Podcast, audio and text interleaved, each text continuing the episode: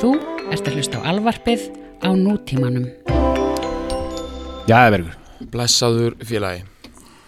Úf hvað Ég er að fá mér vatn hérna. Já. Þú verður að væta hverkana fyrir þetta Já, við þurfum marathón sko. Um, Við erum búin að vera heilingi bara að stilla upp mækonum rétt fyrir þetta sko. Ég veit, þetta á að vera, þetta er þýst sko, þetta er þýst, punklíkt Það er að þetta, vera er, nákvæmt. Þetta þarf að vera, já Við erum að fjalla um kraftverk í dag. Loksins. Þurfum að byrja, loksins. Loksins, segja Og margir. þú veist að þeir áttu sitt eigi stúdíó. Æ, ég vissi ekki. Þeir voru hérna Það er svona stór partur af þeirra mystíkinni og fleira að þeir áttu sitt eigi stúdíó það var kallað Kling Klang Studios. Mm og þeir áttu sitt eigið Vanity Label líka. Vanity Label er svona þeirra þeirra artistin sjálfur. Já, eins og Zappel ekki e, já, Zappel e, eða bara Apple líka í rauninni. Já, betur hvað er Apple? Zappel er svona það sem að, þú veist Það gáði þannig Two Virgins og, og hann að ok. The Wedding Album og hann að eitthvað svona Electronic Walls pottet sko. eitthvað þú gætir, þú gætir alveg fært raukur í Apple með þess að sé Vanity Label. Ok, uh, Rockefeller, þú veist Já, Jay-Z, já, já, það er ekta svona Vanity Label. Ok, ok, ok. Þetta er þegar þú bara, þetta er bara dótið þitt. Já, í tilviti kraftek var það bara dótið þeirra. Af því þeir pródúsöruðu aldrei aðra artista. Nei. Og fengu þeir bóðum að gera það. Oh Já. Sko Michael Jackson veist, Nei. þeir, þeir, þeir höfnuðu Michael Jackson þeir höfnuðu David Bowie Já. þeir höfnuðu, þú veist skilur fyrir utan bara í setni tíð skilur Já. það er ekkert eitthvað til eitthvað trakk yfir þetta því þeir tala aldrei um þetta Þeir skilur tala aldrei um neitt en það er alveg staðfist þeir höfnuðu Michael Jackson af því að, af því að MJ, eða hans management við erum að tala um að þeir höfnuðu Michael Jackson Þeir hef, Sko, hvenar, hvenar? Já, uh, 79-80 bara Já. eftir Off the Wall off the wall, já og, þeir, og hann fætti Quincy Hann fætti Quincy bara sem sagt sko þeir hafna popstjörnu að því hann, hann vildi bara fá það hann vildi bara fá soundið sem var í gangi Já, bara, já. hann vildi fá hann vildi fá þeirra sound Mhm. og, og poppaði upp og sólaði í drasl Mhm. og hérna og, og hans management líka og peningarnir sko Já en þú veist, ég, já, það skiptir engum alveg hvar við byrjum að tala um kraftverk, við getum fundið því líka Mhm. en að því við vorum að tala um, já, þeir áttu sitt eigi stúdíó Mhm. og það er ekki grín það hefur engin blaðmaður eða sem sagt svona outsider sem hefur fengið að lýsa sem sagt fengið að fara þar inn Það er engin fengi, fengi, Nei, fjölskyldun þeirra mátt ekki fara þar inn Kæruna mátt ekki koma inn. Ekki neinir. Nei. En þeir eru til lýsingar út af því að eitt fyrirvænandi meðlumur kraftverk, Wolfgang Flur hann er uh, uh, hann er tell-all gaur sko. Hann er skvíler en það var hann með minnsta hluturkið Já, uh, sem sagt trommuleikarnir tveir sem voru ráðnir það er Wolfgang Flur annar þeirra og hinn hittir Karl Bartos þeir hafa báður svona aðeins talað. Mm. þá er með að Flurinn gaf náttúrulega út bókina Ich var ein Robot. Mm. og þar lýsir hann hvernig stúdíóð er sko. Mm. og maður getur farað hann fyrir utan. Að vísu er Ralf Hutter búinn að flytja stúdíóði núna. Og en það er samt ennþá sko örgismyndaverður og fleira það má ekkert fara inn í gamla stúdíóð eins og það var. Hvernig er staðan á uh, skepnunum? Eru þeir allar á lífi en það? Já, fyrir utan sko ef maður fer í uh, ef maður fer í einhver svona virkilega svona stærri pælingar sko Já þá eh, er sem sagt einn æfisugurítari hann hefur talið til að það hafi 27 manns verið í kraftir genum tíðina og það var svo rosalega mikið rennir í áður en þeir verða elektrónist band Já, þeir eru í já. en undir formikjum kraftir hafi 27 menn uh, spilað Já og um, einn sem er frekar frægur er dáinn og það er Klaus Stinger, Mhm. trommarinn Mhm. sem var, sem trommaði samt bara á fyrstu plötunni eða, jú, hann trommaði bara á fyrstu plötunni Mm. ekki á annari Mm. uh, samt var hann alveg með í bandinu þá sko, á þeim tíma, hann var alveg í bandinu svolítið tíma, hann, veginn, hann var ekki í rekordningssessjóninu fyrir plötunum nummer 2 sem heitir Kraftwerk 2 Mm. uh, að öðru leiti eru sko, klassíska line-upi, þeir eru allir á lífi og þeir eru Ralf Hutter, Mhm. Florian Snæder Wolfgang Flur og Karl Bartos Mm. og uh, hérna uh, sko uh, Ralf Hutter býr ennþá í Essenbach í heimili fóreldra sinna sem er bara rétt fyrir utan Dusseldorf hann býr ennþá í húsinu sem hann ólst upp í já, já. uh, Florian er nýfluttu til Berlínar vildi breyta til, annars er hann búin að búa í Dusseldorf allt sitt líf Já. Bartósinn uh, flutti til Hamburgar og Wolfgang Flur er ennþá í Dusseldorf Já. þetta eru Dusseldorf Döðlur. döðlur. Og uh, ég held að það sé bara það fyrsta sem við ættum að bara Ganga frá. Registrera, já, registrera hérna. Já, eh, skjálfesta að því að, ok, ég meina að þið sem eru að hlusta, ok, það veit allir mm, krafter, já, þeir eru þýskir. Herru, þið fáið ekki tíu á prófuna en þá fólkið mitt, út af því að ef einhver ykkar heldur að þeir séu frá Berlín eða eða einhverjum öðrum svona stöðum sem hafa sitt ákveðna sound, get out of town Já, að ticket já, bara one way ticket og ekki koma aftur út af Nei. því að það fyrst sem þurfið átt okkur á er að kraftverk eru frá Rínar hérunum eða norðvest eh, vestfælja og það er í svo kvöldum rúrpott Já. og það er stærsta industrialiseraða svæði Evrópu mm -hmm. og eitt stærsta mannfjöldasvæði Evrópu. Mm. Þarna búa í samhangandi uh, sko mótinískum borgarklöster mhm, um, eitthvað á bylnu svona 12 til 15 miljónum manna Já. og Düsseldorf er einn stærsta borgin en það eru fleiri Mm. og ef þú tekur alveg svona stærra svæði þá er Köln inn í þessu dæmi líka mm. og Düsseldorf er sko, hún er þekkt fyrir þetta er, þetta er borg sem er sko þekkt einmitt fyrir það, hún er bara eina striktli það sem voru að kalla Neubaden hún var algjörlega byggð upp frá grunni eftir stríð. og, og hún er höfustöðar tískuðinaðarins í Þýskalandi.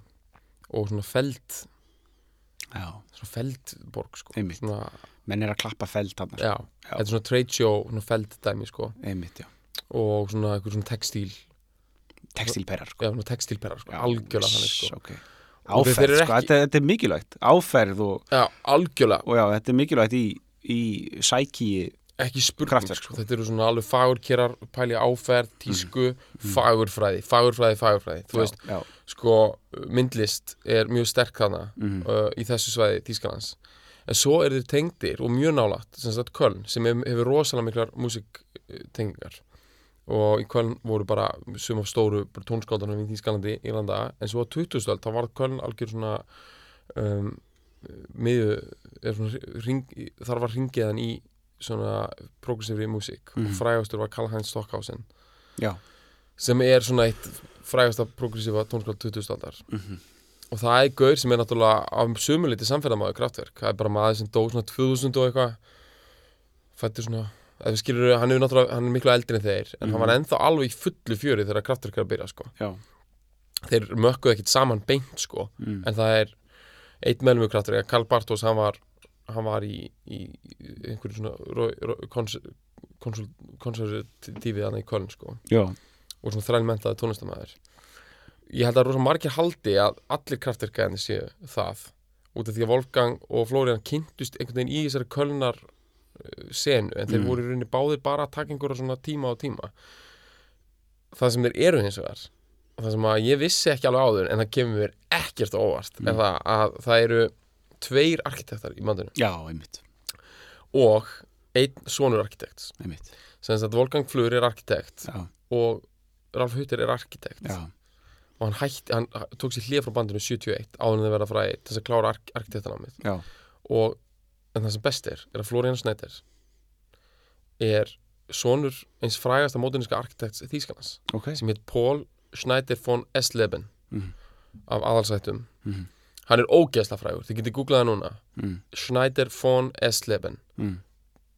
uh, hann er sko með Wikipedia síðu, langa S-leben, Já. það myndi vera svona eins og Nei, heit það ekki, von Esleben S-leben þetta er bara einhvern, staður þetta er von Esleben sko ok, ok, ok, og hérna, hann var uh, drulluhali Já. Þetta er þetta geggjaða dæmi Já. þýskur drulluhali drulluhali sko, hann var orðin ógæðislega stór og virtur sko, bara þegar Florian var lítill mm. það sem hann gerði hann frægan var einhver bílastæðageimsla sem hann hannaði yes. og þessi bílastæðageimsla, hún er hún er fræg sko já, og það, þú getur bara sko hún er næstu eins og- F-feldutin sko. ef þú fer bara flikkar þá er bara ógeðslega mikið myndum á þessari geimslu að Já. hún er mótinist listaverk Já. Það var hans claim to fame. Já. svo voru það bara endalausir turnar og dót svona mokkahalla stíl sko, svona mótinist já, dæmi já, svo endar hann því að hann hannar bara Köln Düsseldorf International Airport. Bless sem er bara svona bara, hérna, sem er bara svona Clockwork Orange síru fuck you arkitektur sko. binn þær sko Já, var þetta ekki bara eitthvað svona bara svona appisinu gult, bara svona eitthvað þetta er eitthvað svona, jú, einmitt, þetta er sko þú komið þú veist, De Gaulle í, í, í, Já, De það er svona svipað já, stíll, já. það er svona, þú veist, það, það er þetta svona hvað héttu hana, æ, byrju mér rættum þetta áður, hann að, svona hann að Flintstones en í framtíðinni Já, ég veit, ég veit Jeffersons, The Jeffersons. Já, já, Þetta er það er svo svona þannig sko, það er Já. alltaf eitthvað svona, svona, Einhver svona brautum. glare tubes Já, og eitthvað svona þannig svona svona grín sílindrar og Já. svona, einmitt, þetta er bara, ég sé myndir af þessum flugulli hana í Düsseldorf og Já. þetta var bara Paul Schneider von Essleben, Já. bara sko þungur maður sko, þingsli yfir honum en samt Já. svona ógeðslega sko Já, steinstipu sinnaður já, og sko við erum átt okkur því að það, Florian Snæder er ógeðslega ríkur sko hann elst upp í 100% apathy skilur hann elst upp í 100% sinnuleysi Mhm. af hendi fóröldur sinna er ógeðslega miklu ríkudæmi og ógeðslega miklu elitista lífi Mhm. þetta er svona gaur að ef hann fær ekki rétt eldaðan aspas Mhm. bara þá sko hann á veitingastað hann, hann sko hann þá bara eh, þá bara stendur hann upp Já. án þess að vera í fússi já, og fer. Skilur, þetta er bara, þetta er ótrúlegur elitisti og kulti verðan á já, hann já, já, já. og hann er bara alltaf í ótrúlega vel púsum skóm og hann lærið á þverflötu, það var hans instrument já. hann átti nóan pening þannig að hann var byrjað að láta senda sér einhverja múk synthesizer frá bandaríkjunum bara þegar hann var lítill Mhm. eða þú veist unglingur, því að sko múkin er hann er byrjaður sko early 60s Já. þá var þetta byrjað að koma Mhm. og þetta var bara spurning með eiga nóg mikla peninga sko og bæði Það hann og, og Ralf þeir bara áttu peninga pappar þeirra voru ríkir Papp, Mm. pappi Ralfs einhver svona Já. sko. textílkaupmaður Já. og hérna þetta er bara svona frekar ríkir kaurar Mhm. og þeir eru bara þess að setja sko í samingi sem við skiljum þetta sko Mhm. þeir, þeir, þeir eru gaurar sem eru fættir um 46 ég held að þessu er báða 46 mótel Mhm. þeir eru jakkamli Springsteen, Bowie öllum þessum gaurum sem eru Mhm. svona smá svona babyboomer típur í Bretlandi og Bandaríkjunum Mhm. og allt þetta, skilur sem, sem að eru unglingar in the 60s og fíla bílana á Beach Boys og verða síðan einhverja stjórnstöðnur in the 70s Já. við sítt hár og eitthvað þeir eru jafngamlir þessum gaurum en þeir eru ekki að upplifa það sama á þessi gaurar Nei. þeir eru á sumuleita að gera það þeir eru alveg bara að hlusta á bílaplötur og allt þetta Mhm. það sem er í gangi er það þeir eru sko þeir eru samt elitistar líka sko. Þú veist, þeir eru bara hérna, þeir hugsa skilur þetta er engilsaksnesk músík Já, og þjóðverðar að gera engilsaksnesk músík er bara slagamúsík sem, sem er svona dominant dæmi sem er bara Já. basically Eurovision músík já, já, þú veist, Eurovision músík það er bara langbæst að þýða þannig það er Continental Europa að reyna að apa eftir uh, Rhythm and Blues og þjólagadót sem er engisaksnesk í sagt, þú getur sagt þjólaðatónlist er engisaksnesk og Rhythm and Blues er náttúrulega bara frá Afríku en kemur í gegnum deltahérðun í bandaríkjunum Mhm. inn í engisaksneska kultúr Mhm. og á þessum tíma í sögunni þá erum við þar sko Mhm. Þeir vilja bara hugsa þetta alveg frá grunni. Mm. og þeir eru alveg að gera það alveg frá, frá en þeir eru experimental band til að byrja með.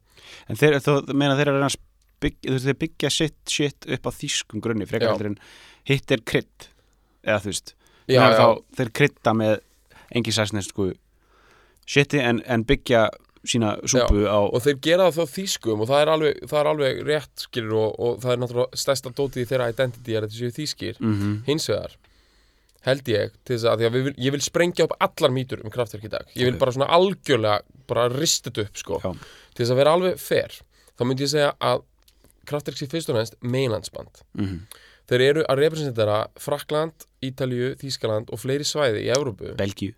Belgíu, alveg potið. Og það sem að stórir sko ha- hafa rosalega mikla tónlistarsögu öll þessi svæði. Mhm.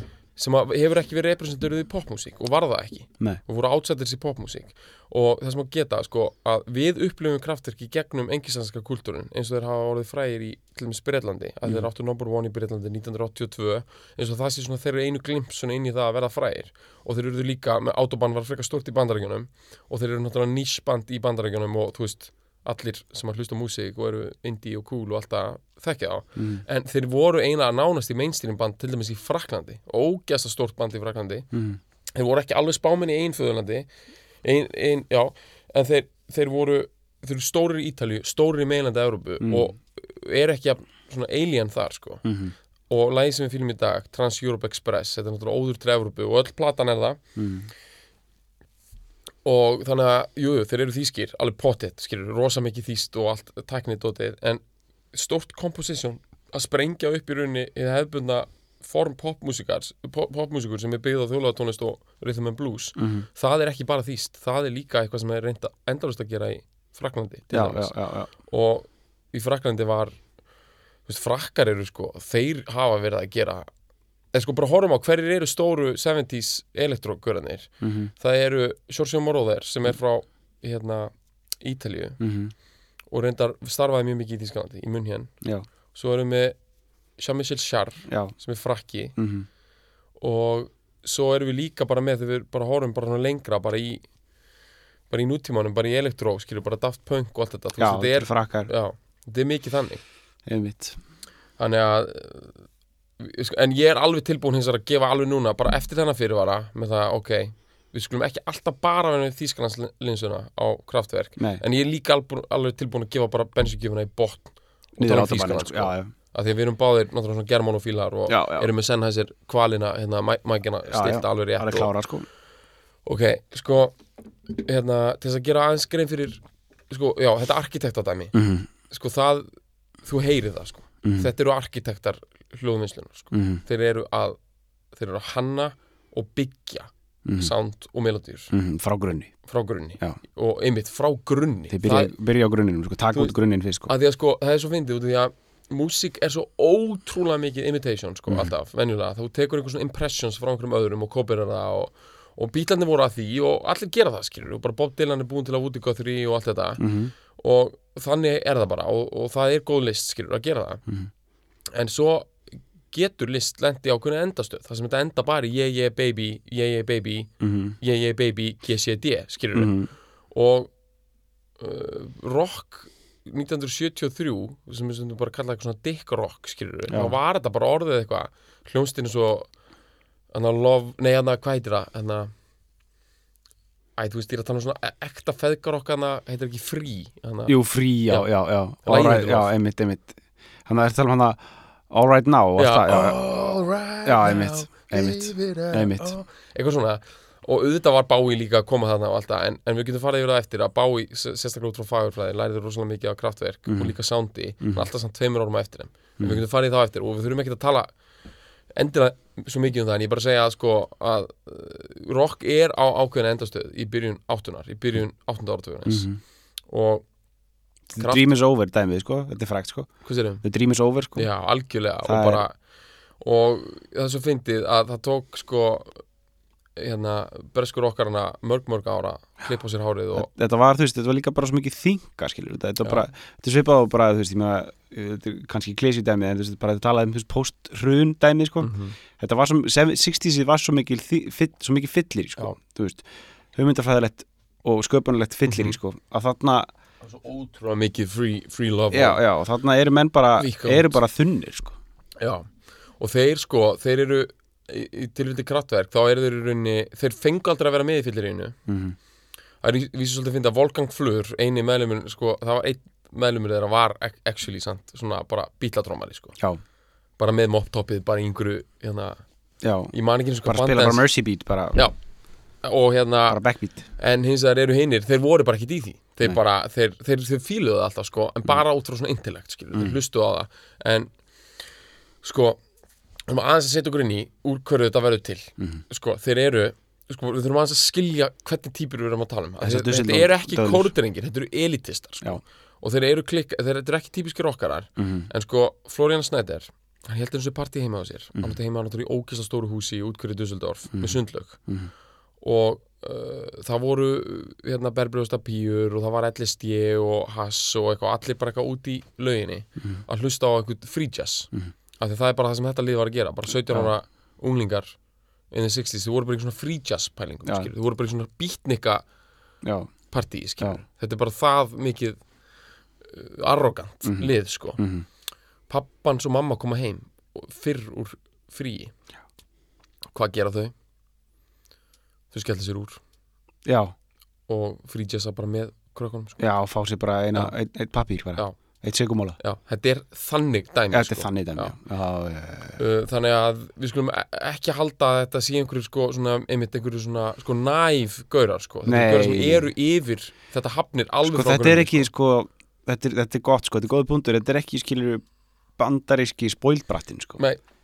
þeir eru ekki beint spoildbratt sko þó þau séu fyrtir vissulega, þá eru þeir ekki spoildbratt sko. Þeir eru ekki að taka Animal House lampaskerma dæmið sko. Nei, nei, nei, nei. þeir eru ekki, þek, þeir eru ekki þar sko alls ekki sko. Þeir eru ekki að hendi einhvern veginn í einhverju frattpartí eitthvað Nei, ekki nema bara kannski einhverju merlandi kaltæðinni sko. Já, einhverju, sko, einhverju fokkin sko, Já. glimrandi gjörningi sko. þeir eru með myndlistarelement alveg frá byrjun og það er, ég held að það sé mögulega smá tækifærismennska því ég held að þessi göra sem voru fyrst og og höfðu bara áhuga að vera músík það var engin infrastruktúr til þess að vera með progressífa músík nema gegnum einhvers konar innsetningar dæmi Já, og þeir voru að spila á fullu þeir túruðu samt aldrei. Og þannig, þegar þannig komið sög þá er bara sko kraftverk, nafnið það byrjar alveg sko 60 og það er svona on-off verið að nota alveg frá svona 68 en þeir hétur líka Organization á Já. tíðanbili svipaður hópur. Og þeir eru byrjaðir aðna alveg inn í 60s Mhm. að með þess að nota kraftverk nafnið og komnið með aðna umfyrðakeiluna sem logo já, og stilla henni alltaf upp. Og þeir höfðu alveg svolítið að gera en þetta var svona ekkit ótrúlega fókusera band. Florian var alltaf með Mhm. hann var alltaf með. Og þess vegna er hann í rauninni fyrsti leitói bandsins mm. með þess að Ralf fór inn og út með þess að klára arkitektanámið já, og þeir eru með, það sem er frægast við þurfum bara rétt að fara í nokkru þeir eru með Klaus Stinger og trommur á tíðanbili sem er síðar trommuleikarni Nói sem við höfum fjallað um hérna mögka það og svo voruð með Mikael Róter Já. líka. Já, og hann er ennþá bara mjög frægur sólulistamæður og var, og var, var gítarleikarni Nói mm þessir tveir gaurar eru frægastir. Þeir tóku hérna smá kraftverk. Stint með kraftverk sko. Og já, og alveg bara spiluðu á, á plötunar sko. mm. eða sem sagt Klaus Stinger var allavega á fyrstu plötunni Mm og fyrstu plötunar eru svolítið svona í svipum stíl og nói og þetta er uh, þetta er hérna og, og bara það sem að kallað krautrock Já. þú veist, Tangerine Dream Jafnvel Khan og fleiri svona stórbönd Mhm. eru, eru svona frægbönd er að gera í rauninni svipaða hluti sko -hmm.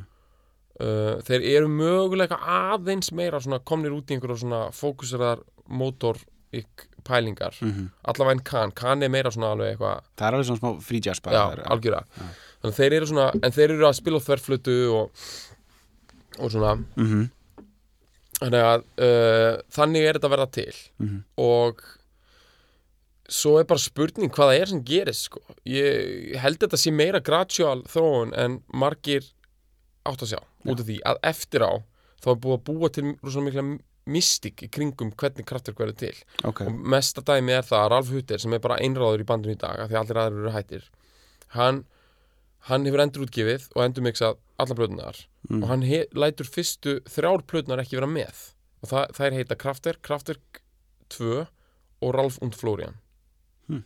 þær eru bara ekki með, skilur þannig að Mm. fyrsta plata Kraftwerk, sangat í svona official Kraftwerk bókunum, er Autobahn frá 74 mm.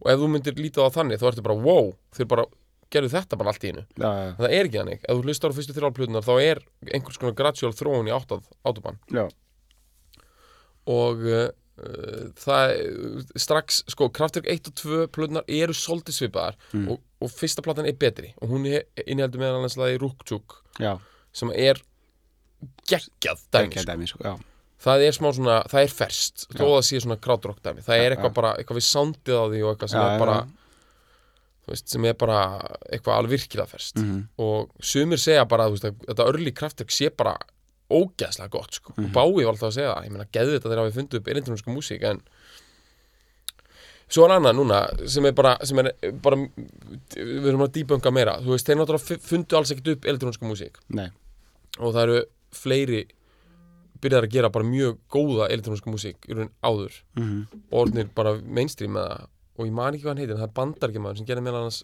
Klokkur Gónens soundtrackið. Já, ég man ekki hvað hann heitir. Nei, hann er, hann er byrjaðar á undan sko. já, já, en hann er ekki byrjaðar að ná að synka the beats sko. það er svolítið málið. Og þeir eru valla byrjaðar að gera það býtu þá meinar það á ég við sko að hérna sko ég, ég er náttúrulega ekki fagmaður í þessu sko en sko snildin við kraftir þeir eru eiginlega fyrsta bandið sem nær að sko að þetta er allt analóg og þetta er bara Mhm. syntar og þeir eru með drum machines og allt það sem getur Mhm. gert einhverja takta já, en ef þú setur síðan til dæmis sko, galdurinn í kraftverk og það er svo miklu meira en að segja það já, virðist byggja svolítið á því að vera með takta sem eru reynda stundum handspilaðir á rafmakstrómur en líka með drum machines og svona Mm. pattern svo setja þeir synda yfir og setja effekt á syndana, til dæmis delay það er svona gald, galdra Mm. Hérna, effektið þeirra og láta það synga við taktin. Já, já, já, ég held að þeir hafi bara gert þetta bara með trial and error. Já, já, já, en þetta er bara, þú gerir þetta ekkert bara svona. Þú veist, Nei, nú er þetta ekkert mála því þú leggur alltaf út sko þú getur bara lagt út delay á, á dóti bara on the grid Já. þú gerir eitthvað digital. Já, þannig að það mun alltaf synga sjálfkrafa.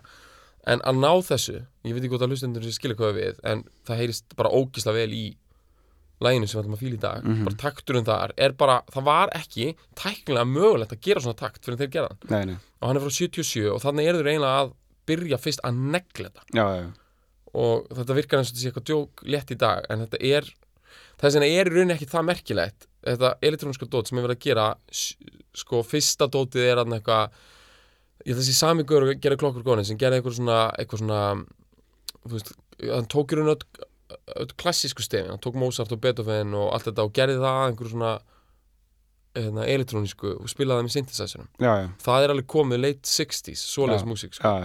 Og svo er komið alls konar dót early 70s en það er ekki galt og í langflestum tilhjóttum eru venjulega trommur í svoleiðis. En það sem kraftir byrjar að gera sem er rauninni bara bottom up gera músík elektrónist Mm það er bara, þeir bara finna það upp. Þeir byggja grunninn, sko. Og ég, heldur, ég held að galdurinn sé bara að loka sig af ógislega lengi, hafa ekki samskipti við neitt annan, vera drullu saman hvað öllum öðrum finnst Mm. láta sig hafa endurist mótlæti í mörg mörg ár uh, og bara vera skrítin, Mhm. ógeðislega agaður vera læriður arkitekt Mhm. vera líka búin að reykja ógsna mikið hass og taka allir stíð, þannig að þú veist, einhvern veginn heilin á þér er Mögaður möggaður, Já. einhvern veginn eða svona bara þú ert alveg ógeðslega svona þú veist, búin að svona en vera bara gjörsanlega on it Já, já, já. í nokkur ár og þannig verður þetta til. Já, og það sem við ætlum að fíla á eftir það er það er mm. We're There að því að sko Autobahn er geðveik plata. Hún er Mm. geðveik skilur það er bara ógeðslega gott. Eins og mitt er nakt, það er ekki bara Autobahnlagið. Það er líka lag sem heitir mitt er nakt og svona sem er bara svona það sama og Bái var að gera sko bara sko, 77 sko. Já, já, bara miklu setna og með svona syndapælingum sem eru svona creeping up from behind you bara já, eitthvað já, já. Radioactivity er geðveik plata, mm Mhm. skilur þú veist og bara Radioactivity lagið og bara alla pælingarnar í þeirri plötu og bara Mhm. soundin og bara hljóðheimurinn er geðveikt en þetta, þetta eru ennþá hu hugmyndir Þa, þú veist, það er ekki búið að negla þetta fyrir 77 þegar Trans Europe Express kemur út Mm. og þegar þessi í rauninni fyrsta læginu Europe Endless þá, þá er maður strax búin að fatta ok, þeir eru búin að negla þetta með Mhm. taktinn og allt þetta en þegar þetta lag kemur uh, Trans Europe Express sko soundið og allt, þetta er komið Mm. og þarna byrjar blómaskeið sem er Trans Europe Express svo Man Machine 78 Mhm. svo Computer World 81 Mm. sem er bara fullkomnun Ef við gera eitt sem við hefum ekki gert í svona tíma Já. Hlusta á lagi í miðju Hlusta á, hlusta á það núna og, og halda svo áfram við þurfum bara að hlusta smá á taktinum Ok, Við erum ekki hlust á allt. Ok.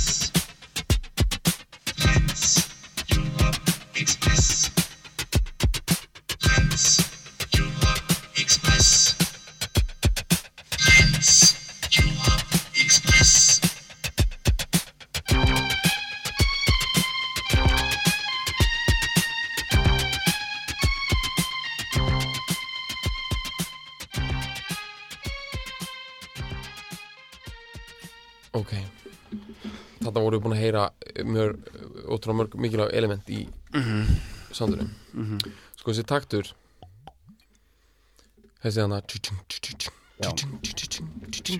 Hann er, sem sagt Ástæðan fyrir því að hann er bara grunnurinn að Þú veist, sem reyndi síðar að vera Bara grunnurinn að Það var bara að nota þær í hiphopi og og ógislega mikið af svona funky dóti. Mm -hmm. hann er einhvern veginn bæði steinliggur hann mm -hmm. gjörsamlega niður njörfaður gjörsamlega þú veist punklík eins og þýskar lestar sko. Svo er hann líka svíngrúfandi. Já, þú veist bara svona svona Makamba stæl. Já, já, já. bara uh, þarna voru við byrjað að heyra svona lestir fara framhjá með einhverju svona einhverjum pan Mm dóti sko uh, ég veit ekki hvað þú eru búin að heyra einu sinni hana stóra stóra hana það sem lestin er svona svo hún sé að stoppa hana já. Jú, kom eins já, og, já. það er náttúrulega bara eitthvað sem þeir fundu upp og þeir voru byrjað að finna upp á autobahn Mm. hérna, þegar bílarnir fara framhjá ég get ekkit útskipt nákvæmlega hljóðfræðilega hvað þeir eru að gera Nei, það sem er svo cool er það, þú veist, þeir hafa geðugan áhuga á að þeir voru að gera field research og þeir fóru og tóku upp lestir og hérna en Karl Bartos hefur sagt frá því sko sjálfur að þú getur aldrei gert nákvæmlega eins og lestina hljóma. Þú þarf alltaf að breyta því í reyna abstrakt hugmynd. Mm -hmm. lestir hljóma ekki svona, þetta er nefnilega ekki svona. Nei. þú veist, þetta er abstrakt þetta er abstrakt hérna, endurvinnsla á hvernig lest hljómar. Já, hún virkar svo ótrúlega mikið to the core að sko það sem er svo cool við kraftverk er það, þetta er 100% elitista intellektuála dæmi, mm samt er þetta eitthvað sem börn fíla. Mm. Og þú veist, ég, meni, ég fílaði þetta bara því ég var pínlítill já. og gummibinni, sonum minn sem er fjör ára Mm. hann heyri þetta lag, hann dýrkar þetta lag og hann hefur sagt, á þess að það sé neitt annað sem að getur bentur á maður hann segir þetta sé hljóm, að læg hljómi eins og vélmenni í lestum Já, og það er bara þannig þarna, þetta er bara, bara þannig tókst þeim bara upp Já. ætlunarverkið sitt, bara að láta bann 2016 Já. Skilja þetta já, Skilja bara, í, þessa í, bara í hljóðheiminum sko. Já, og það er bara rosalegt afreg sko. Já. af því að það er svo rosalega algengt að einhverju menn vilja eitthvað, já þetta á að takna svona bíla og stemningu og kerslu og auðvitað þú veist þarf það ekki að verða eitthvað nákvæmlega Mhm. en, og við kannski skiljum það yfirleitt bara út í það er eitthvað baby you can drive my car du, du, du, já, eitthvað, já, ok, læðin um bíla já. en þú veist, þeir eru actually búin að ná einhverju sko, sko abstrakt abstraktation af eitthvað prímal dæmi, sko já, og, já. og það er bara eitthvað svo geggjað við sagt, stöðuleikan í lest sko mm. uh, sko, ég vil tala meir um soundið alveg potið, en Mhm. ég vil samt líka segja það núna bara aðeins inn í sko þemu þemað í þessu er lestarferð Já, um já, Evrópu, já. þannig að þetta er pan-evrópismi er er- Trans-Europa. Express og hérna, það er ógæslega mikið elitista þema Já. bara, og það er líka svo mikið, það er líka svo tjúlað út, þetta er Trans-Europe, sko en náttúrulega á þessum tíma er er, er hérna er Evrópa náttúrulega mjög skipt, skilur, mjög algjörlega. sko uh, sundruð, þú veist, þannig þú veist, já, menn hún er alltaf sundruð í austur og vestur austur og vestur, já, 100%. já, og þeir hérna, þeir uh, náðu ekkit að fara í austrið að ráði. Nei, en þeir eru að byggja þetta á hérna, þeir fóru einu sinni til Austurbelinar Já. og náðu að spila þar. En þeir voru hérna, þeir eru að byggja þetta á raunvölu fyrirbæri sem var ennþá til þá. Og hér Trans-Europa Express eða Trans-Europa Express á þýsku. Já, bara eins og svona Orient Já, Express þetta var lestarlína og þetta var sem sagt bara fyrsta farum í stæmi fyrir businessfarþega auðvitað bara sem- fyrsta ferð Já, auðvitað. og, og það sem var svo cool við þetta var það að þú þurftir aldrei að fara út á lestinni til þess að hérna, fara á milli landa af því að vegabreifa starfsmenninni komi inn í lestina. Og þú já, varst bara að borða aspas já, og sko snigla já, inn í lestinni og rétt að bara passa já, og rétti bara passan og þetta er þannig dæmi og þú ert að keira með fram þú ert að fara með fram rín bara ánni rín, veist, þar var ein lestalínan sko mm. og þú ert að sjá umhverfi, þú ert að stöðum hraða Mhm. og þú ert að sjá bara þú ert að sjá fallegustu álfi í heiminum þróasta svæði í heiminum Mhm. og þetta er alveg rétt hjá þér með hana, þetta er svo klikkað að þeir séu með óð til þetta, þessa Mm. og það er alveg rétt að Evrópa 1977 er ekkit eitthvað einhver, einhver draumur sem fólk ferðaðist svona um skilur, þetta voru bara ennþá þú veist það er ennþá fastastjórn á Spáni Mhm. um, eða hún er reyndar að hætta en þú veist skilur það er ennþá konungstæmi í Greiklandi mm. -hmm. líðræðis umbætur er ekkit komnar ég meina það var þýska efnaðasundrið og allt það en menn er ennþá í sárum eftir stríðið Já. Europa klofin í tvent og núna ætla að koma að stóra, stóra dæminu sem er það allra sko, sem er leikillin inn í að bara líka kraftverk abstraktisman Mhm. Þetta er 100% anti-sætgæst dæmi. Já, af því að það á alltaf að vera í poptónlist og alltaf að grípa einhvern sætgæst það er alltaf eitthvað svona, þú veist eitthvað, á, bara bítandi voru með þetta bara það var love, eitthvað, bara og þeir voru, og bara að lagi kom út 67 akkurat þarna, þetta lag kemur út 1977 og það er ekki að endurspegla neitt í þjóðfélaginu 1977 og það er hins vegar að horfa í tvær áttir. Það er að horfa til fortíðar og því að lestir eru í eðli sínu nostalgíst og romantist fyrirbæri. Og það er að horfa til framtíðar bara með soundinu og bara þessu futuristic robotir í lestum dæmi. Þeir eru aldrei í núinu. Og það er galdurinn í kraftverksoundinu og það er að það nái hámarki með Computer World 81 að hérna, það er bara eitthvað sem eru skrifað að doktorsritgriðurum hann ertu með hinn fullkomna retrofuturisma. Þannig að þú ert með eitthvað sem er ekki neitt í núin hvorki í soundi nýja þemum eða hugmyndum. Og þá ertu komin í hreina abstrakt hugmynd sem horfi bara til fortíðarinnar og til framtíðarinnar. Og það er að mínum að því og núna kemur svona mín hinn, full, hinn fullkomna romantík. Bara hinn fullkomna Já. romantík fullkomna hopeless romantic já, bara þú veist, við tölum svona um romantík í síðasta, var ekki í síðasta þetta, við vorum að tala um Cars, neoromantík og erum við þetta, þetta er hinn fullkomna romantík. Einmitt Þetta er svolítið gott, sko Það er einhvern veginn að svona að hata núið, sko eða tengja ekki við núið, sko Já. vera, vera, sko vera bara abstrakt, þú Já. getur ekki, þú getur ekki í rauninni það er leiftir ekki að að vera hluti pinna af þig niður á núið, sko Nei. þú getur ekki, einmitt, þú ert að þú ert að, þú ert að lifa á einhverju orku frá fortíðinni Já. uh, til þess að skjóta þig fram í framtíðin Já. sko. það er bara nákvæmlega það sem þeir gera Já. og þeir eru, þeir, og þú veist akkur þeir gera það það sem þeir gera, þeir eru, með, þeir eru alltaf með sagt, hérna, expressionism á heilanum mm. að það prídeita nazismann Mm. og svo er þeir með framtíðan á heilanum og það er út af því að krakkar í Þýskalandi, fætti 40 okkar, bara lók stríðis fættið hvað, 46 já, það var ekki talað um Nei. hvernig Þýskaland var það er skilur, og það já. er bara eyða og það var valla talað um sko það er náttúrulega ekki talað um þýst þjóðar identitet þannig að Mm. þeir þurfa að sækja annarkvæmt í eitthvað svona tæknihyggju framtíðar eða að fara fram fyrir tíma næstmanns Mm. já, og þau get ekki lifað í einhverju núi þau get Nei. ekki leift sér, leift sér það. Og þess vegna verður þetta til. Þetta er hugmyndafræðilega verður þetta til út af því. En þetta er bara svo ultimate roma, romantík. Og sko í þessari í þessari plötu, það eru tvö þemi á þessari plötu, það er enda bara eitt þema í þessu lagi sem, er, sem eru lestirnar. Og Evrópu, pan-Evrópu Evrópu, sem sagt Evrópismi eða Júrubismi, svo er annað þema og það eru hérna uh, sem sagt ímynd. Mhm. að því að Les Mannequin Le Mannequin og sjó, sem, sem heitir Showroom Dummies á ennsku það er líka á, á, hérna, á þessari blötu já, já, já. og það fjallar um það að þú, það skiptir einhver máli hvað að vera frægur eða hver þú ert, þú ert alltaf bara þú veist, þú horfur í speil þú, þú ert alltaf að leika einhvern annan og þannig eru þið byrjaðar að leika sér á þemanu sem að nær hámarki í Man Machine 78 Mm. sem er fagurfræði og pop það er bara hvað er að vera popstjarna getur Já. ekki bara alveg eins verið robot á sviðinu já, já. að, hérna, að flytja tónlistina að þú ert hvað sem er alltaf strílaður upp í eitthvað dæmi og að ták og í, að, að flytja abstrakt hugmynd þú ert ekki þú sjálfur með þínar vonir og, og þrár Mhm. og uh, sagt, þetta tengist öðru sem mér finnst ganga svo ógeðslega vel upp hjá kraftverk að þetta er eina popular tónlistin eina músikin Mhm. sem nær að vera með engan móral. Það er 100% apathy eða sem sagt sinnuleysi gagvart móralskum gildum.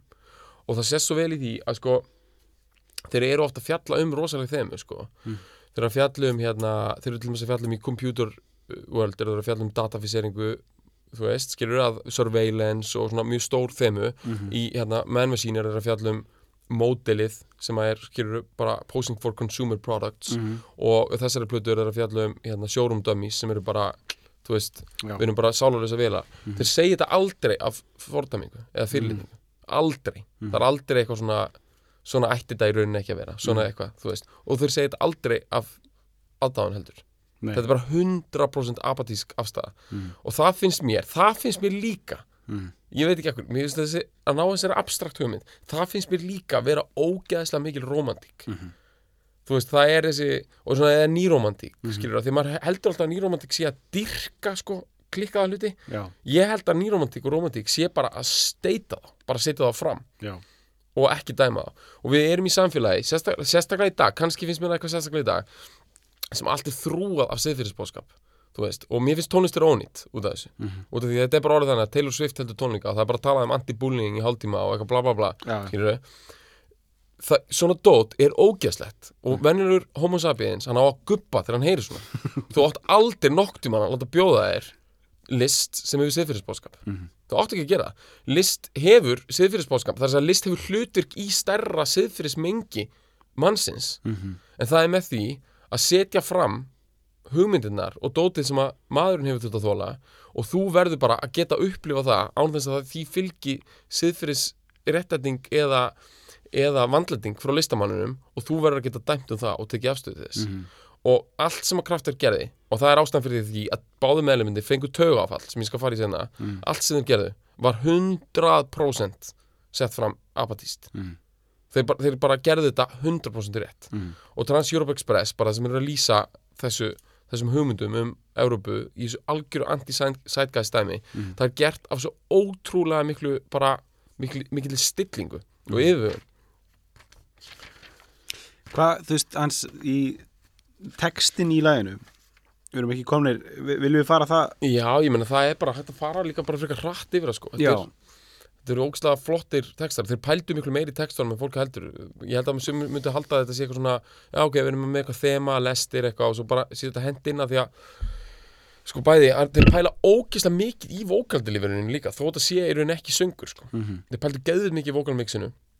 Og þetta lokin voru þeir mistuður vitið sko. Mm. sem sagt og í, í, hérna Electric Café, síðustu plötunni í rauninni, síðustu alvöru plötunni frá 86 þá eru þeir eina bara búinir að missa vitið í Já. vókalmixi sko já, Já, þeir eru Ég skulum bara taka tögaföllin núna. Já. Sko, þeir eru að gera þess að þrjár plötur sem eru bara þar eru allar á topnum yfir bestu plötur allra tíma í bara einhverjum svona allmusic.com einhverjum svona elitista guidebooks um popular music skilur Já. og þetta eru Trans-Europe Express Man Machine og svo Computer Love á frekar stuttum millibili og þar eru fullkomnar. Mm -hmm. ég myndi lýsa því með einmitt því orði þar eru fullkomnar þessar plötur. Það er bara, bara soundið, allt, þetta er bara geðvegt sko.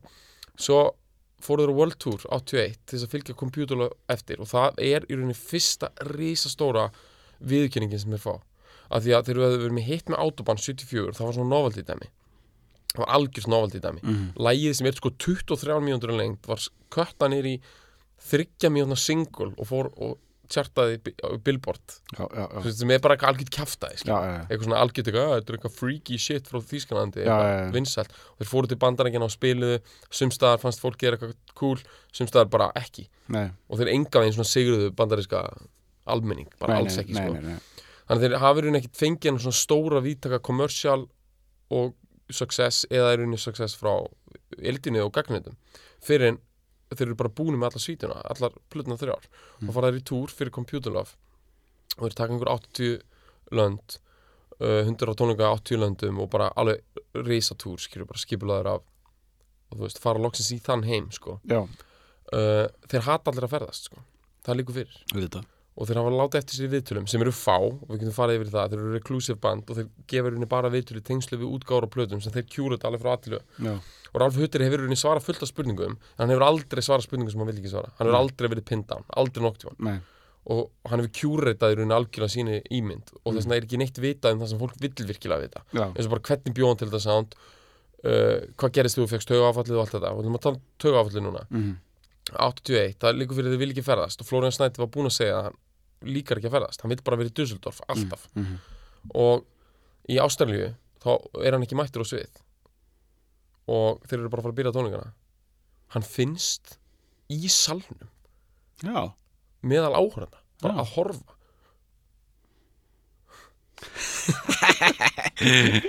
Og þeir pakkuðu honum bara í flug til Dusseldorf eftir það sko. já, bara sett henni til túrin var alveg að vera búinn og honum fannst þetta að vera orðið svo tilgangslust sko. af hverju er ég hann upp á sviðinu að Semmi, náttúrulega, þykja að spila en jú, hann var að spila, skilur þeir voru að spila sko mm. trommararnir tveir voru fengnir sérstaklega í bandi til þess að gera þetta að flottu livebandi og þeir eru að spila á ramastrómanda sem þeir fundu upp sjálfu sko Já, og, en hún fannst það samt svo tilgangslöst Mm. og klikkað og hann var bara rugglaður og Florian Snæddir bar sitt bara aldrei eftir þetta er sagt sko og hann Mm. var komin bara í soundmix bara raddamix já, já, já, hann, bara var kompartmentalisaður niður í það að vera bara að mixa raddir sko ok og þess vegna er Electric Café bara með allt of hún er allt of útpælt hvernig raddir eru mixaðar sko.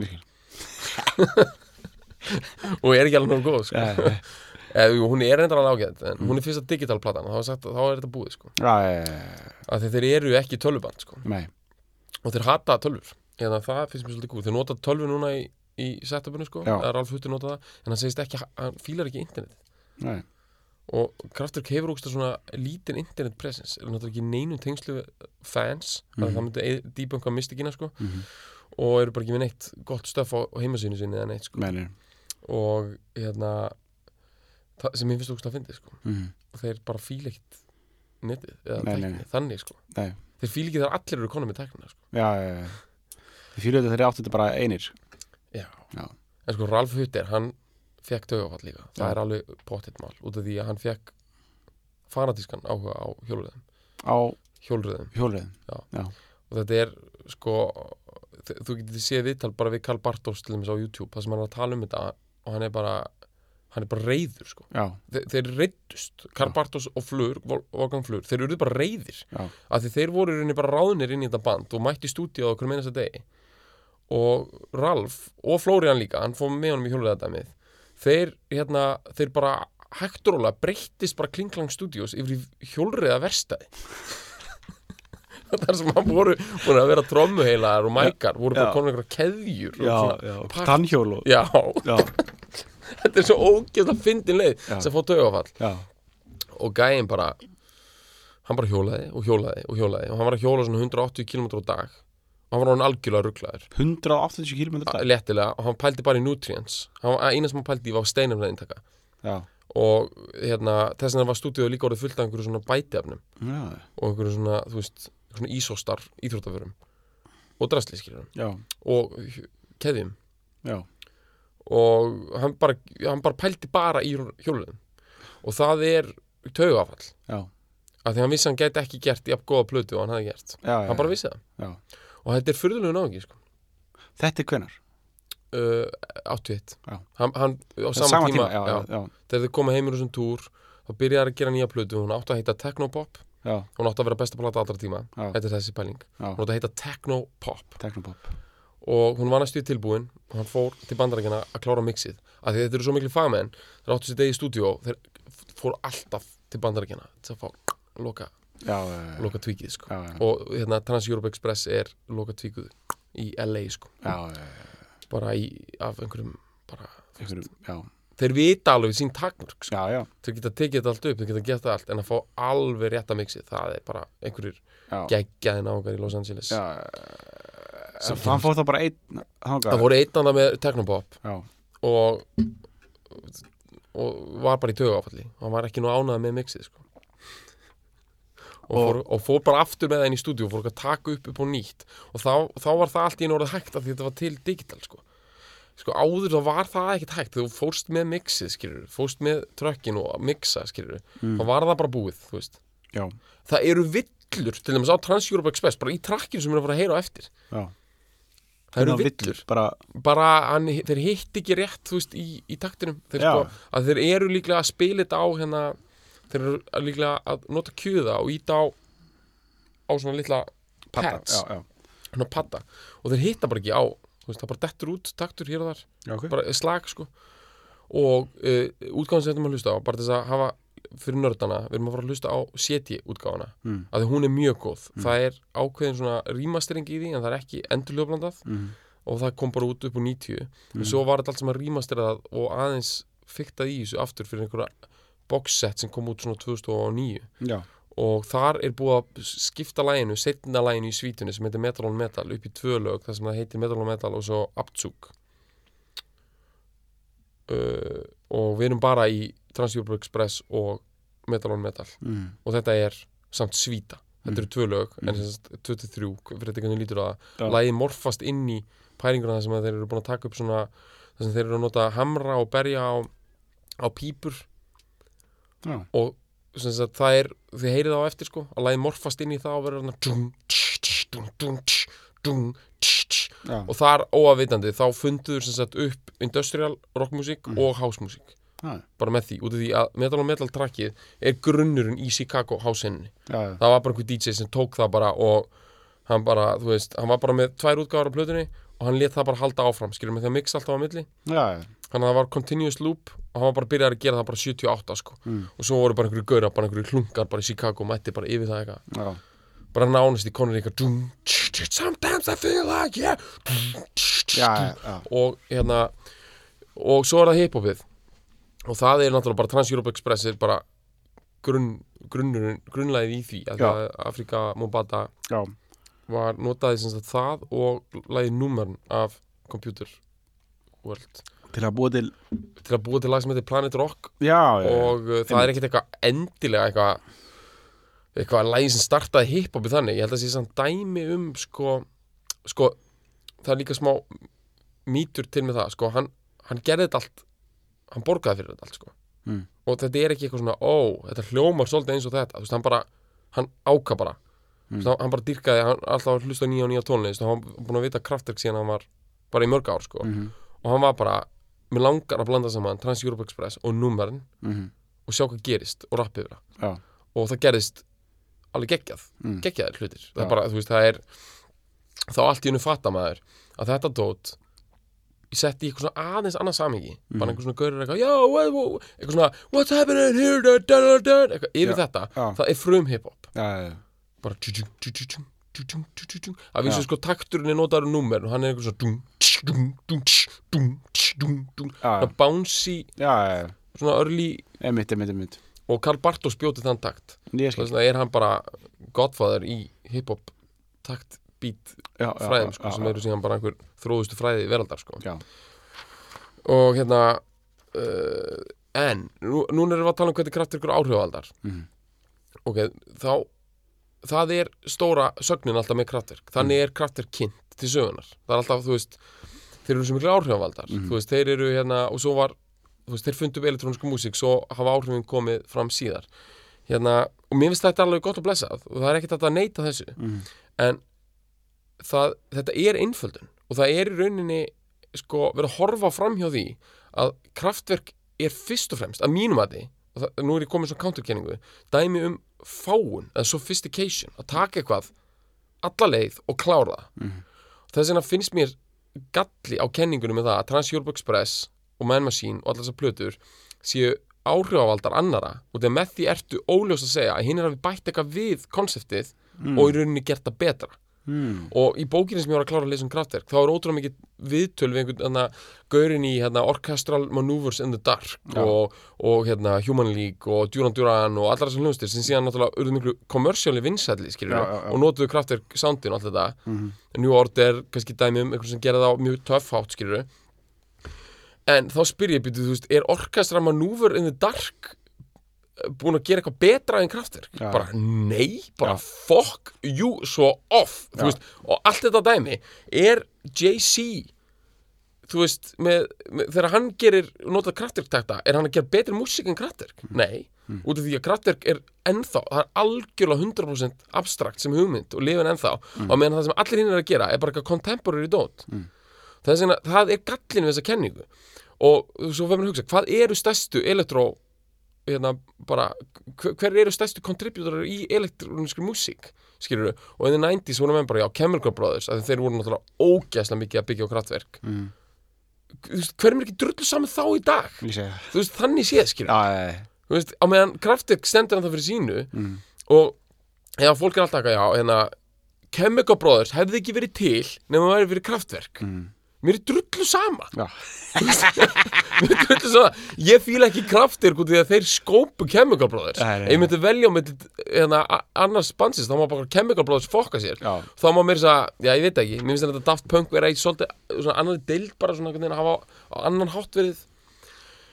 Sko, þetta er einn gallinn við þessa kenningu með það að þeir séu svona rosalega miklir áhrifavaldar. Mhm. hinn gallin er það, mér finnst ekki vera að horfa á aðalmálið sko, í þessu það þýðir ekki bara að taka og horfa á einhver svona sound hérna og bara þessi stál, þessu soundi og þessi stál. Það sem ég held að kraftverk sé áhrifavaldi ég held að þeir séu áhrif á stærsti áhrifin þeirra eru bara við frá gaggat popmusík. Mm. ég meina þeir hafi bara gjörsanlega þeir, þeir knocked it out of the park bara í viðhverju sínu gaggat popmusík bara í fagurfræði. Þeir gjörsamlega kláruðu það dæmi skilur þannig að það verður þú veist, Báir oft tekið sem dæmi að því hann bara var alltaf að leika eitthvað nýtt og bara prófaði alls konar skilur og, en Bái er samt í grunninn gaur sem er song and dance man sko. já, Kraftwerk náði að fara í reyna conceptual hugmynd eins og í bara þessum plötum, þá er þeir bara komnir í bara þegar lakrispindin eru mættan og rauðuskiptuna og allt það dæmi sko. já, þá hérna þú veist, hvaða band var ekki gjörsanlega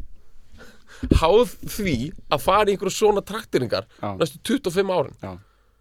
og hverjum hefði dottið í hug áður Mm.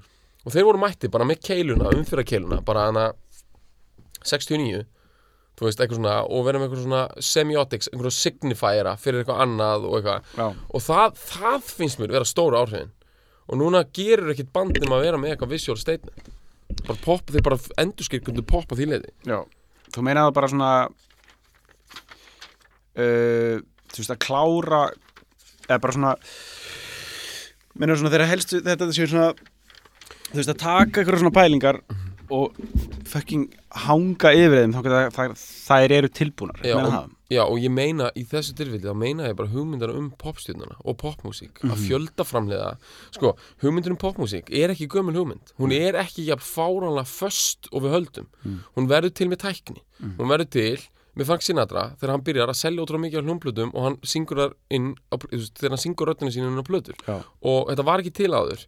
Svo verður hún meira þróið þú veist þegar Elvis verður af því þá verður hún ung æðis menningu skilur þú getur búið til endalaust. Svo er þetta bara allir sjönda áratugurinn alltaf tækningar, alltaf betra og betra mm skilur þá eru menn byrjar að fatta það bara, þetta er orðin hvað, hvað er uník í þessu lengur? Þú veist, er listamæðurinn hvað er verið að fjölfalda? Mm. kraftir tekur þessa pælingu og setur okkur virkilega upp við þann upp við vegg og spyr okkur getur listamann ekki fjölfalda sig líka? Getur hann ekki bara verið robotar og nú er Alf Huttir búin að fullkona það annars tími þegar reka semi alla á hljónstiði og ráða bara einhverja nýja bara einhverja göra sem heita bara Henning þú veist, hilsning, skilur já. og klæða það bara upp eins og robota og þeir túra um heiminn um kraftir og allir er bara, ég þá kraftir spila þú varst bara að sjá einhver fucking man machines Já, hvað er fokkin aðeir, bara Já. horfa einhverja 60 að gæja bara búin að taka og kjarna einhverja hugmynd Mhm. þetta er það sem við vorum að tala um líka í Kiss þættinum Mm. með Ara, þú veist, Kiss var bara að taka rockið og industrialisera það skilur og þeir eru líka í industrial dæmi Mhm. og, og þetta tengist því að sko kraftverk eru frá Dusseldorf sem er yðnvandasta svæði Evrópu, Mhm. þeir eiga þess að brjáluðu svörun alltaf í Manchester Mhm. skilur þaðan sem að hérna, Human League og, og hérna, New Order og það drast allt sem hann kemur þeir eiga brjálaða svörun við Detroit Já. þú veist, og það kemur ekki pop og Madonna, hún fór á kraftirtónleika þegar hún var lítil stelpa í, eða unglingur Mm. í hérna Detroit, þeir kom Já. til Detroit Já. ekki dörgla, þú veist, margir hana Madonna var svona 13-14 ára fór á tónleikana bara kveikti á því for life og hún er stærsta hún er stærsta outlet poptón, stærsta kvenn outlet poptónlistar allra tíma, Mhm. það var engin seltet margar blöður hún, engin fengið að mikið að fólki á tónleika á hún, Mhm. nokkuð tíman Mhm. og það var instant connection á milli þeirra tvekja Mhm. og bara, þú veist sko, þessi pæling pop er industrialization af músík það er það sem það er, Mhm. það er músík það er, er miðlunar tækni fyrir fjöldan Mhm. Það er það sem að kraftir fullkonaði Mhm. og kláruðu, þeir kláruðu pælinguna Mhm. sko, listrænt séð, þá kláruðu þeir statementið á bakvið popular music Mhm. það er það sem ég er að segja og það er fullkomnun og, og, og þeir, þeir, Þeir lokuðu hringnum, mennar það? Já, þeir lokuðu hringnum, þeir kláruðu það og það sem fólk er að gera í dag er bara einhvers konar eftiröpun af skilur þú veist að Mhm. þú okkur einasta ári fram til 1981 voru því líka tæknin framfærir í músík það var alltaf koma eitthvað nýtt, nýtt sound skilur Mhm. og sama hvað hver segir þá er ekki verið að koma með ný sound inn í popmúsík síðan þá. Mhm. ég meni ég veit alveg í 90s þú veist, og nú er allt orðið eitthvað sampl skilur, veist, það sem, það sem byrjar í 90s eitthvað svona sampldæmi, þú getur manipulera dót út frá einhverju gömlu og postmodernismi og allt það, að sko kraftur går aldrei í sampli, en það er samt í sjálf og sér ekki neinn eðlisbreyting á því sem er verið að gera hérna það eru nokkur hluti bara sem við verðum að tala um í viðbútt en þú veist, þetta á að vera bara skemmtilegt skilur Ég er bara, þetta er ég bara þetta á að vera bara hérna við ætlum bara að vera í sko uh, í skemmtuninni sko. Mhm. um, ég trú ekki að ég sé búin að klára þetta. Uh, ég er náttúrulega að skrifa henni náttúrulega lista sko. Já, sko, já Þú er búin að segja ma- mjög margt, sko já, en sko við þurfum að fíla okkur meira sko Sko, ég held að við þurfum að fara núna aðeins að spóla okkur Já. tilbaka úr erum orðin og fara í pjúra bónir Já. bara Ok. strjúka döðluna sko Ok. Dússeldorf dö- döðluna sko. ok, við erum að aðeins að dumb it down eða þú veist ekki beint dumb it down jú, já bara þú veist bara aðeins fara að strokka kvikindið sko. Það er dæmið sko. Sko, algjörlega. Sko uh, hérna. Það er uh, þetta eru sko ok, byrjum að tala meira bara um einmitt um, byrjum bara, ok, byrjum bara á því. Úf, byrjum á því. Oh, byrjum að tölum, förum, förum aðeins út frá kraftverk Mhm. og hugsum um bara hinn 17 ára uh, Sebastian Já. í hann er með bólunar í, hann er með bólunar, Já. hann er á denimjakkan já, hann veit ekkit hvað hann á að gera Nei. og þetta er hvað, árið 77 Já. hann er að heyra eitthvað eitthvað, eitthvað, eitthvað punk Já. eitthvað kjaftaði Já. sko. hann tengir ekkit við, eitthvað uppreisnar já, bullshit sko. einmitt hann tengir ekkit við það Nei. þú veist, ok uh, disco Já. er að, er, að, er, að, er að eina sem er að berast frá bandaríkjunum Já. Og svona eitthvað aðeins að, og er að krauma náttúrulega líka í Þýskalandi í, í munn hérna og á, þessum stöðum. Byrja, og það kemur frá Moróder í já, munhjörn skólinn í diskóinu þetta er að gerast. Og okkar maður, Sebastian heyri svo lestina sko. Já.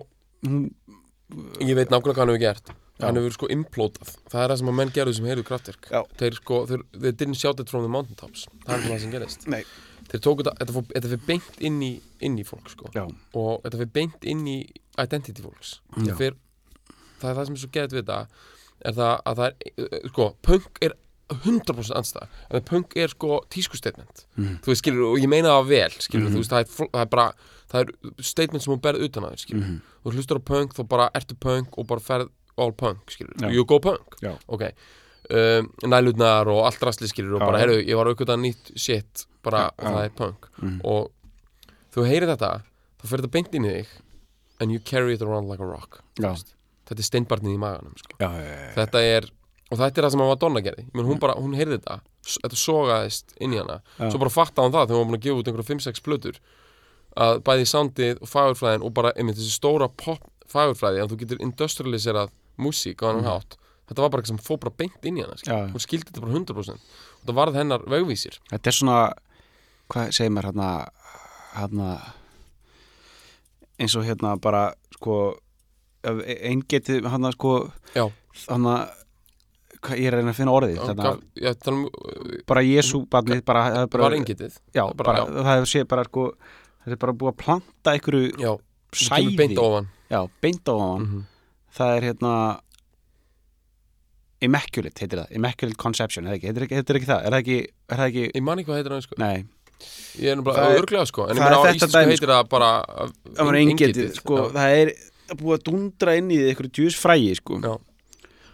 þú veist kannski ekki sérstaklega mikið af því sko. já, en ég elska sko að þetta heiti Immaculate Conception já, Eða Inception Conception Það ke- kemur að Það er bara svo ógæslega skilt þegar hún komur út í ótrúlega klikkuðu hugmyndina núna rétt áðan sko Við Herru, erum strax komin út í eitthvað svona það er samt líka aftur hérna sko, þetta tengi, sko, það er uh, Madonna gátt uh, svona tvöfalda sapplötu Mhm. sem, að, sem ég á heima sem að heitir Immaculate Madonna sko.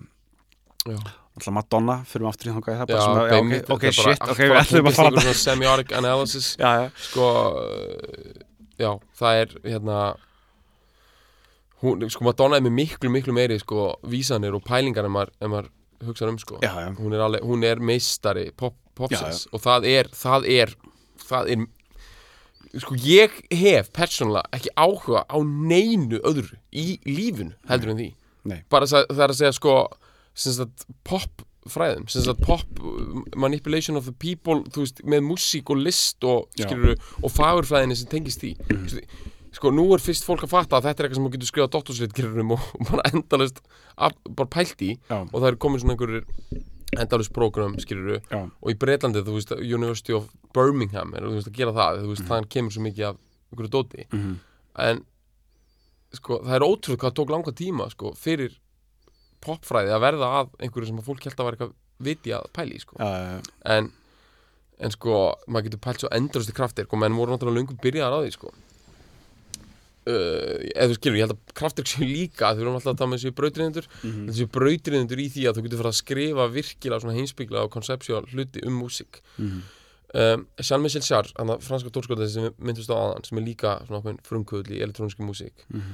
hann segist ekki geta hort fram hjá því hann er gaur, hann er alveg öfutu kraftverk hann gefur ógeðslega löngu viðtöl Mm. hann er ógeðslega næs, hann talar ógeðslega mikið um allar hvernig hugmyndnar komið til hans og maður getur séð viðtölu hann á YouTube það sem hann talar í einn og halvan tíma og maður er já, maður bara fer ekki að klústuða með hann skil. ég meina þú veist, það er bara það er bara áhugaverð sem ég veit um sko. Já, er að heyra einhvern örli raftónlistamann tala um hvað hann var að hugsa sko. Já, já. og ef að svolítið viðtala væri til við kraftir þá væri það svona svolítið svona eins og ef að bara hérna, Guð væri bara fengið inn á CNN já. bara til La- Larry King sko. Já, já. það er bara with us today is God bara he how are you feeling today? Já.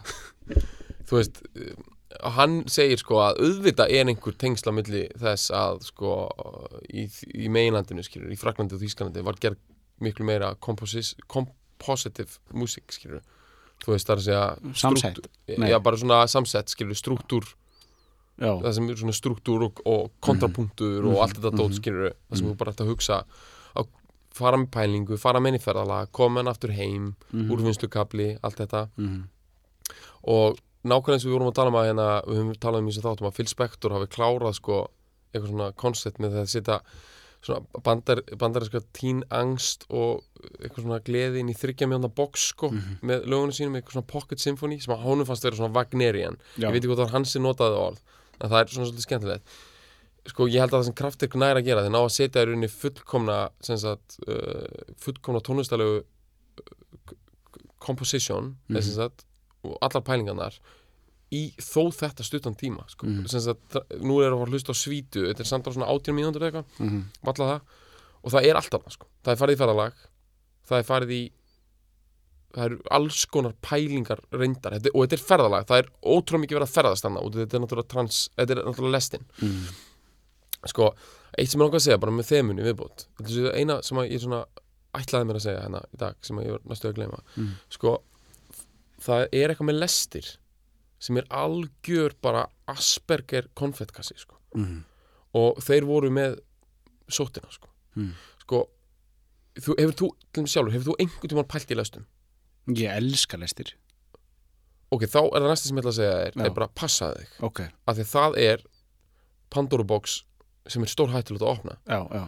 Út af því að það þú veist, þetta er fólk sem hefur mist vitið út af lestum Já, ég- sko, ég vil lesa hann að Ævisonars Neil Young eða? Já, hann er með, emitt, hann, Hann er, í skalli fífur, sko. Já, hann, er bara, hann er bara gera bara, bara inn í einhverju, einhverju hann, hann á bara margar hlöður fullar af lestamódulum já, já, já.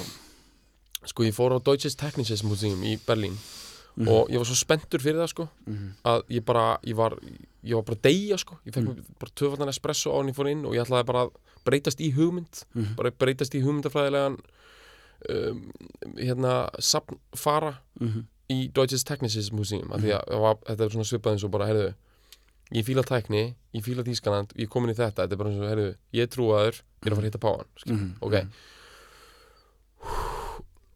heyrðu það sem gerist þegar ég kem hann inn er það að þetta er náttúrulega ógeðslega stórt. Mhm. og ég er bara inn í einhverjum skemmum eftir skemmum og það eru bara lestir. Það er bara lestir eru bara lestir. Það er bara lestir, já, og ég byrja eitthvað bara. Og þetta eru bara lestir. Já. og lestir eru stórar sko. Já. Sem því það að vera með með alvöru lestum, þetta var ekki já, já, já, veist, það er bara ekki rugg það er bara mest að þvæla sem ég veit um. Þetta var, þetta var eins og að vera í lögatarsöll eftir lögatarsöll eftir lögatarsöll bara lestir. Já, já, já. Og maður var komin út í bara einhverjar því líka lestapælingar sko. Og ég var að missa vitið sko. ég var orðin bara wow, bara, og já, já, bara þú veist þróunin á tengivagninum hérna bara búið að setja þetta og auka hérna eitthvað chain hérna og, eitthvað, veist, og búið að taka hérna einhver hljóðbuffer hér og færa og svo var þetta og svo breyttuðu teinunum eitthvað. Og bara hvernig þetta tengist sko þróun industrialization af því að þetta er 100% samfara sem já, já, eða lestarbyltingin og þegar lestina voru loksins lagaðar um Þýskaland sko, yfirbyltingin kom 100 árum að seint til Þýskalands Mm. hún kemur sko til hérna, Englands, hún byrjar um 1750 Mm. og na, The Rocket og eitthvað er bara byrjað að fara mellir Manchester og Liverpool bara 1815, bara tjú tjú, full steam ahead sko. Já. það er ekkert að gerast í Þýskalandi, þeir eru bara í gömlu góða hestögnunum og ekkert í gangi Mm. bændasamfélag með svona occasional borgum og textíl og fur trade og svona bullshit, við svo, svo bara Þýskaland er ekki það stórt land Nei. svo eru bara laga lestir þetta er bara þegar Þýskaland er saminað og Bismarck er mættur og bara játn, blóð og kartiblur og allt þetta dæmi Mhm. það eru laga lestir um þetta land það er bara gert bara svona á nokkrum árum Mhm. og þá er bara tjú-tjú og það sem gerist þá er virtschaftsvunder eða bara efnaðsundur, það er kallað grunditsætt Mm. og þá verður Þýskaland frá því að vera bara tilturlega óskipulagt samansap smáríkja. Hvað þið grundigt grunditsætt því bara það því bara, þú veist grunn, grunntímin Já, sem er svo geggja, sem allt grundast á sko. Og það er tengt sko svona nýhiliskri pælingu sem er kvöldu stundi 0 já, sem er svona kenning í listum og fagurfræði um það að þú þurfir alltaf að miða eitthvað og fara á eitthvað, svona grunnpunkt mm. stundi 0 já, og það er bara mjög algengt og bara mjög ákveðin, ákveðin afstafa í myndlist og ljóðlist og fleiru Mhm. að þú verðir ein, á einhverjum tímapunkti að losa þig við allar klifjar fortíðar og það er náttúrulega nákvæmlega það sem kraftverk er að gera með pop, popular music. Mm. þeir bara losa sig við allt. Það er bara, bara bless með dick rock, bless með gítara bless með yeah yeah I love you. Bless, út, bara bless bless bless. Mhm. drulluðu ykkur burt. Við ætlum að byrja á stundi 0 við ætlum að byrja alveg frá grunni og það harmonir alveg við frumkvöla pælinguna og að menn eru bara ennþá þá að vinna og þá er stundi 0 bara þegar autobahn kemur út 74 sko. já, já, já. og sá er stundi 0 fyrir gítarokkið eða bara Loves You eða Heartbreak Hotel skilur, Mhm. eftir hvernig hvers megin þú ert í lífinu þar en hann að kraftverk er kontrapunktur sem er metafórist sko, sjálfstilvísun í eðlisínu sko. Mhm, mhm. það er bara ákveðin punktur sem þú getur miðað allt annað út frá já, já. og þú, það er ekkert undan en við fórum frá þessu sko frá lestum eða ekki Mhm. sko, þú veist, þeir eru að tala um lestir hana og lestir eru romantík líka og Mhm. lestir eru grunditsætt Mhm. og þetta er bara svo ógeðslega mikil romantík, Mhm. þú veist bara Mhm. lestarferðalögin og það sem þetta byrjar allt og tæknin og hvernig þetta er sett saman að þú veist, þetta er bara og þetta er þessi barslega romantík sem er sko sterkari heldur en einhver svona lofangst romantík Mhm. þetta er, þú veist, litli krakkar leika sér að lestum tengja þau saman, þetta er svona þetta er Asperger romantíkin, bara, Mhm. þú veist bara, nú er ég bara í þessari pælingu já, já. þessi lest fer frá A til B hérna og Mhm. bara, akkur getur heimurinn ekki bara verið fokkin þannig, Já, skilur akkur þarf þetta alltaf að vera eitthvað flókið, bara stelpan elska mikið, da da da, skilur, Mhm. kraftir voru bara inn í Klinglang Studios, í Düsseldorf Mhm. mættir bara, Norð-Vestfalja bara, þú veist bara í fokkin lestinni, já, já, já, já. bara, bara trial and error með, þú veist, að sequensana og ná hérna ná díleginu rétt til þess að gera hann fokkin ómónstæðilega takt. Þeir voru bara þar, bara mm. gjörsanlega fókseraðir Mhm. og ég meina, þú veist veist, þetta er bara þess vegna eru þessi gæjar þess vegna er Ralf Hutter demigod, sko. Mhm. það er út af þessu, því hann hefur aldrei kommenta á þetta, veist, og þetta er bara og þetta er til. Á Hann gerði fucking þetta. plötu. Já. Og við ætlum að fara að hlusta Ég held að við legg, leggjum til að sko, fólk, og þetta er átjá mínúna já, pakki ferð sko. Þetta er svona dæmi sem ég bara legg, legg til að fólk sko, leggist í sófa setur kotta undir, undir, sko, undir, undir hö- höfuð jafnvel undir fætuna líka. Svona já, eitthvað. eitthvað fyrir blóðflæðis já, svona blóðflæðis. dæmi sko. Og uh, loki augunum krossleggi uh, hendurnar á- yfir bringuna. Já, breytist í hugmynd breytist í hugmynd Abstraction. og svífið inn bara í mm. trans-evróska lestafær sko Bingo Tjú tjú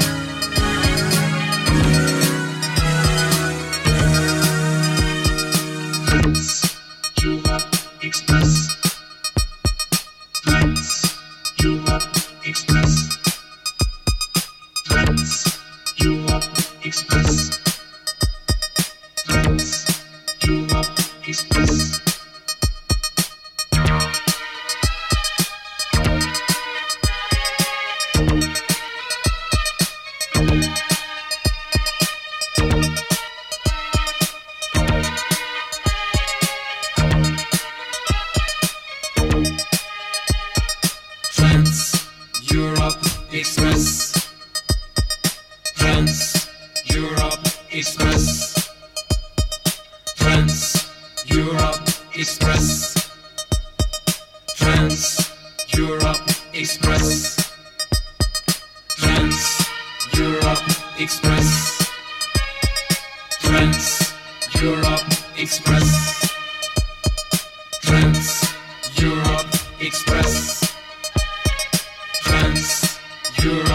Express. Trans Europe Express.